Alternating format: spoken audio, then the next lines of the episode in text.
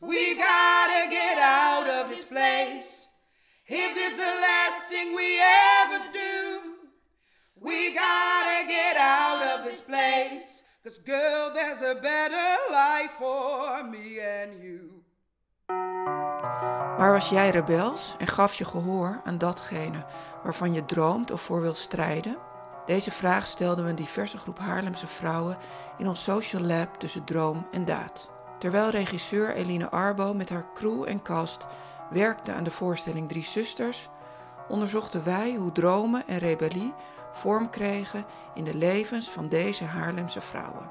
Kea Klaasje Questro, de actrice die Olga speelt in Drie Zusters, vertelt ons dat Eline Arbo in dit stuk de relatie legt met feminisme en de ongelijke positie van mannen en vrouwen. En toen dacht ik langzamerhand, als ik er lang, vaak veel over ging lezen en uh, podcasts erover luisteren, en dacht ik, oh ja, dat is, dat is een soort, soort baksteen die toch hier in mijn borst ergens zit, dat daar iets, iets zo oneerlijk voelt.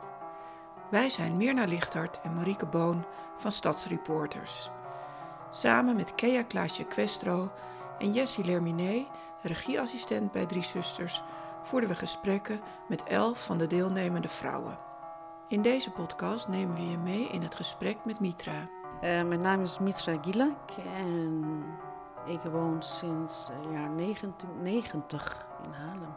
Uh, ik ben geboren in Teheran, maar ik ben opgegroeid in Kuwait en dan gedeeltelijk in Zweden. Je hebt twee prachtige tekeningen voor je liggen. We willen heel graag horen wat je hebt gemaakt. We, wil je eh, over alle twee of over een van de twee uh, ja, als vertellen nu, wat we daar als zien? Als ik nu kijk naar de tekening, ik zei net dat het oppervlakkig was. Dit was niet zo diep, maar dit was te veel. Dan zat ik dan mijn geest heel diep in. Want dat mhm. is dan uh, van huis weggelopen. Ik was acht toen ik naar, van huis was weggestuurd naar Zweden. Mm, van mijn ouders moest ik weg naar mijn tante in Zweden van het daar beter was, van Kuwait dan naar Zweden. Uh, ik was zeven. Mijn achtste verjaardag heb ik gevierd in Zweden. Als klein kind ben ik heel erg mishandeld door mijn moeder. En als je kijkt in mijn lichaam kun je wel sporen zien, uh, met schaar of mes. Dat was heftige mishandeling. Vandaar dat mijn vader had besloten om mij weg te sturen. Dat heeft hij daarna verteld.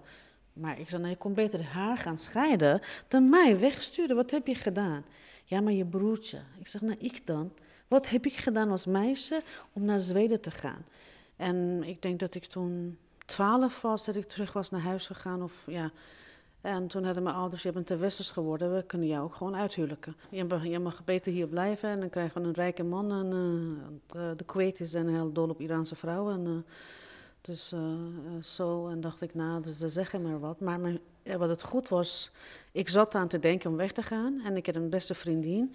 En die was misbruikt. En die dacht, oh, ik, ga, ik ga wel met je mee als je wil. Dan, hè, dan dacht ik, nou, why not? Want zij, zij was misbruikt en zij wilde ja, weg. ze wilde weg. Ze zocht uh, gewoon een weg om weg te gaan. Uh.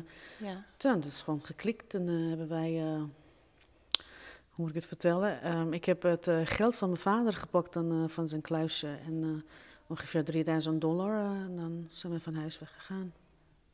En hoe oud was je toen met z'n twee? Met z'n tweeën Zij was een jaar ouder, 14 en ik was 13. En toen zijn jullie weggegaan. En nooit meer teruggekomen? Nee. nee. maar daarna dat ik uh, mezelf heb uh, kunnen verstoppen in huwelijk, ben ik wel teruggekeerd. Hè? Een man en kind. En, ah. Ik ben braaf en uh, zoals het cultuur zegt, je moet trouwen en kinderen krijgen, heb ik het ook gedaan. Dus ik ben wel teruggegaan. Naar je ouders? Ja, vakanties. Uh, wacht, want je gaat heel snel, hè? Dus, dus um, je bent toen... Je ouders hebben gezegd, we gaan je uithuwelijken. Ja. En voordat dat gebeurde, Heb ik, ben je gevlucht. Ja, naar Istanbul. Naar Istanbul. Mm -hmm. Ik zat er ook groot uit. Ik was niet 13-jarig te zien en zij ook niet. Dus er waren heel veel Iraanse mensen die op zoek waren naar mensen, smokkelaars daar, om naar uh, verschillende landen te komen. Dus wij zochten iemand die ons naar Canada kon brengen. Want ik wou heel graag in Canada wonen, Vancouver, maar nooit van uh, gekomen. En um, die man heeft ons geld dan op een gegeven moment opgegeten. En daarna heeft mijn vriendin een relatie gekregen. Toen stond ik helemaal alleen in een hotel na één jaar. Dat is al maar één jaar. Uh, en toen heb ik uh, uiteindelijk mijn tante opgebeld in Zweden. Ik heb gezegd, nou, ik heb helemaal ik heb geen één cent. Ik zit in een hotel met een maan niet Ik heb niks betaald. Ik heb geen eten, ik heb niks. En er lopen allemaal mannen hier om me heen. Je tante uh, uit, uit Zweden? Zweden. Mm -hmm. En die heeft mij gered dan. Die heeft jou naar Zweden toe Die heeft een, uh, uh, een smokkelaar, zeg maar. Ze hebben heel veel uh, kennissen, een ja, band. En die, heeft, die is naar het hotel gekomen, die heeft het geld betaald. Die heeft me meegenomen naar zijn appartement. En daarna in een ander hotel. En ik denk drie, vier dagen daarna, ja, ik stuur je naar Zweden. Dus het plan was dat ik naar mijn tante terug ga. Maar ik kwam naar Nederland. En ik had helemaal geen idee dat het... Uh, uh, ik stap uit de vliegtuig en ik kijk... Je dacht dat je in Zweden was? ja, ja. ik zeg, nou, dat kan ik niet lezen eens. Uh, nou, ik ga wel vragen. En ze zei, ja, ik ben verkeerd gekomen, fout. En ah, dan ga naar de politie. I am a refugee. So I did that. And I said, I'm a refugee. En, nou, ik was welkom. En je was veertien? Ja. Vallen, vallen, vallen, opstaan, opstaan. En jij vroeg me hoe... Ik heb echt aangedacht. Ik zei, wat was het dat ik op ging staan? Het was gewoon, ik ben niet uit huis gevlucht om te gaan vallen. Dus ik ga opstaan. En ik wil, laten zien, ik wil mijn stem laten horen aan alle meisjes of die vrouwen die dat hebben meegemaakt. En ik wil niet gaan uh, liggen op de grond en een slachtoffer spelen. Dat vind ik niet leuk.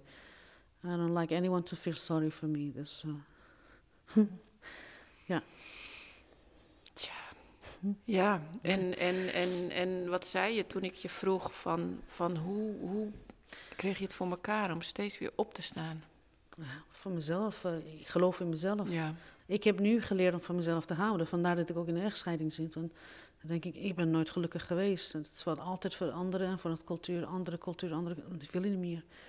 Ik wil gewoon van mezelf zijn. Ik denk dat nu de kinderen ouder zijn, nu de tijd is voor mezelf uh, uh, te leven. Als het mag. ja. En bij mij begon het de belt uh, Blingling. Uh, twee jaar geleden um, is mijn vader uh, uit kanker overleden. En dan na zes maanden is mijn broer uit, kanker overleden. Dus ik heb twee kankeren in één jaar achter elkaar gehad. Dat, dat was voor mij dan wakker worden. En doe maar wat met je leven. Maar je hebt al jaren voor iedereen. Alles klaargezet. Alles. Een hotel. Alles was gewoon keurig, perfect. En nu denk ik, nou, voor mezelf. Uh, en ik denk, nou, gewoon van jezelf houden. En dat, dat is niet zo makkelijk, hè. Twintig jaar, nou, eigenlijk dertig jaar heeft het geduurd voor mij om te zeggen, ik wil dit niet meer. Ja.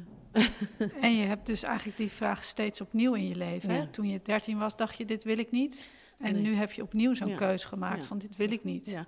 En wat is jouw diepste wens, uh, Mitra? Ik wil mezelf zijn. Ik wil zijn wie ik ben en, uh, en mijn eigen mening hebben in het geloof en mijn eigen mening in het leven hebben. En ik wil niet uh, leven als een andere. Want ze verwachten andere dingen van mij en dat wil ik niet meer. Ik wil gewoon doen wat ik wil. Als ik bijvoorbeeld geen zin heb om de tafel op te ruimen, dan wil ik het ook niet doen. Niet omdat het moet, omdat het netjes moet zijn. Nee, ik heb geen zin, ik doe het niet. Heel simpel. Ik hoef niet, geen relatie, ik hoef niet dingen doen omdat hij moet van mij houden en ik moet die dingen doen omdat hij moet het, hij wil het.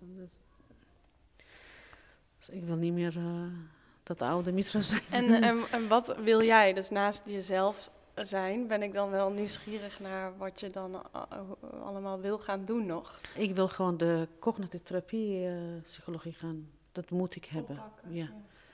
ja. Want dat zie ik, ik zie mezelf daarin zitten. Dat is dan wat ik wil. Eerst een huisopleiding werken. Ja. Ik zeg altijd tegen mezelf, het komt wel zo en zo. Het gaat me wel lukken, want ik heb meer dan dit meegemaakt. Ja. Ik heb mee, meegemaakt dat ik was uh, gevangen door uh, playboys en allemaal dingen dat je niet wil weten. Dit is niet zo erg. Ja, ik ben benieuwd, Mitra, want ik vind het zo'n... Weet je, hoeveel kracht moet je hebben als meisje van 13 om het geld van je vader te pikken en weg te lopen? Dat ben je, hè, dan ben je zo sterk en zo... Uh, daadkrachtig ook, hè, dat je daarover droomt, dat snap ik wel, maar dat je dat echt doet. Ja. Dus kun jij je nog voorstellen, hè, dit, dit, toneelstuk gaat over drie vrouwen die dus ook een droom hebben, maar niet in beweging komen. Hoe komt dat? Angst. Niet geaccepteerd worden, niet gezien worden, niet gewild worden. Dat was het gewoon bij mij dan, dat het gewoon zo lang heeft mij tegengehouden. Dat, ja, je moet gewoon doen zoals, het, zoals iedereen dat doet. Zij is getrouwd, getrouwd, kinderen, normaal leven. Dat moet je ook doen. Maar je moet anders zijn en je moet in jezelf geloven. Ik denk, als ik in mezelf niet had geloofd, was ik ook niet zo ver gekomen. Ja. En, en is jouw keuze voor om dan cognitieve gedragstherapie ja. te willen geven? Ja. Wil je daarmee ook anderen? Ja. ja. Ik wil graag bij vrouwen zijn. En ik wil ook met jonge meisjes. Ik heb heel veel meegemaakt, die jaar in Turkije. En ik wil ook een boek schrijven ooit in de toekomst, want dat komt allemaal in een boek te zitten. Eh, Dat heb ik nodig. Ik moet gewoon bij vrouwen zijn. Ik moet met vrouwen werken. Dat zeg ik bij mijzelf. Je komt hier in die wereld, je moet een doel hebben, sorry. En mijn doel is gewoon met hun te zijn. Ja. Hun helpen en vertellen. Sorry, ik moet hem uitzetten. Ja. Ik wil gewoon mijn eigen ervaring laten, of mijn stem laten horen. Want eh, je hoeft niet perfect te zijn, je hoeft ook niet een man te hebben om te kunnen leven. Je kan het allemaal zonder. En dat geloven veel vrouwen niet. Ehm, voor Ja. Nu ook in Schalkwijk, als je kijkt naar die dames die thuis zitten, Marokkaans of Turks, die zijn zo bang. Ze zijn zo bang om te zeggen, ik haal dat kopje thee niet voor jou, want dan krijg je klappen. Ik denk, nou, wat is dat nou? Dan ga je tot klappen, dan bel je toch de politie. Nee, nee, maar dat kan niet. Er zijn zoveel vrouwen die niet eens durven nee te zeggen voor een kopje thee. Dat is, dat- Dus maak je eigen keuzes. Dat Ja, is eigenlijk wat ja. jij... hou van jezelf en laat je stem horen. Zeg maar gewoon nee. Ja. Ik doe het niet. En dan krijg je wat ik heb. Nou, ik heb geleerd om nee te zeggen. Voor mij was het ook moeilijk. Ach, het is toch mijn partner. Hij, is toch, hij houdt van mij. Ik ga dat wel doen, oké. Maar ik vind, je moet niet een, eh, slachtoffer. Ik kan niet tegen. Misschien ben ik te hard. Ik huil ook als ik in mijn eentje alleen ben ergens, of soms in het publiek. Maar ik hou niet om dat slachtofferrol te krijgen. Dat pity, ja, I don't like that. Als ik hier zit en zeg, nou help me en ik ga huilen, denk ik, nou doe maar zelf wat. Hè. Het is niet alleen fantaseren, het is doen. Hè, ik wil en ik wens dat ik bijvoorbeeld een huisje heb met mijn drie kinderen. Nee, ik moet het doen, ik moet het waarmaken. Niet wensen, maar doen. Dat is... eh, ja. Ja. Nou, ik denk dat, dat, dat eh, daar gaat de voorstelling natuurlijk over. Of we denken dat Eline dat eh, uiteindelijk zou willen zeggen tegen het publiek ook. Niet wensen, maar doen. Ja. Dus toen ik hoorde eh, dat het een toneelschuur, en ik dacht, nou, dit is voor mij iets dat mijn hoofd kan een beetje legen. Ik ben gek op toneel spelen. En ik dacht, nou, ik kom en ik vond het hartstikke leuk om te zijn. Ja. Was geen spelen, maar ik vond het heel leuk. Ik heb heel veel van geleerd. Dit was een van de podcasts die voort is gekomen uit ons social lab tussen droom en daad. Dit lab kwam mede tot stand dankzij Jun Kwan Lo van de toneelschuur en in samenwerking met Eva Duurlacher. Het werd mogelijk gemaakt door het Bankgiro Loterijfonds en de BNG Langleven Kunstprijs. Onze dank gaat uit naar de vrouwen die meededen aan ons lab, die met zoveel moed en openheid hun verhalen met elkaar en met jullie gedeeld hebben. Graag verwijzen we naar de website van Toneelschuurproducties, backslash social lab streep tussen droom en daad. Daar zijn de gehele verhalen van de vrouwen te beluisteren en hun portret en tekeningen te zien. Ook nodigen we je graag uit de toneelschuur te bezoeken. Tijdens de speelperiode van Drie Zusters worden de tekeningen van deze vrouwen tentoongesteld. Wij zijn Mirna Lichthart en Marieke Boon van Stadsreporters. Als je meer van ons wil zien of horen, bezoek dan onze website www.stadsreporters.nl.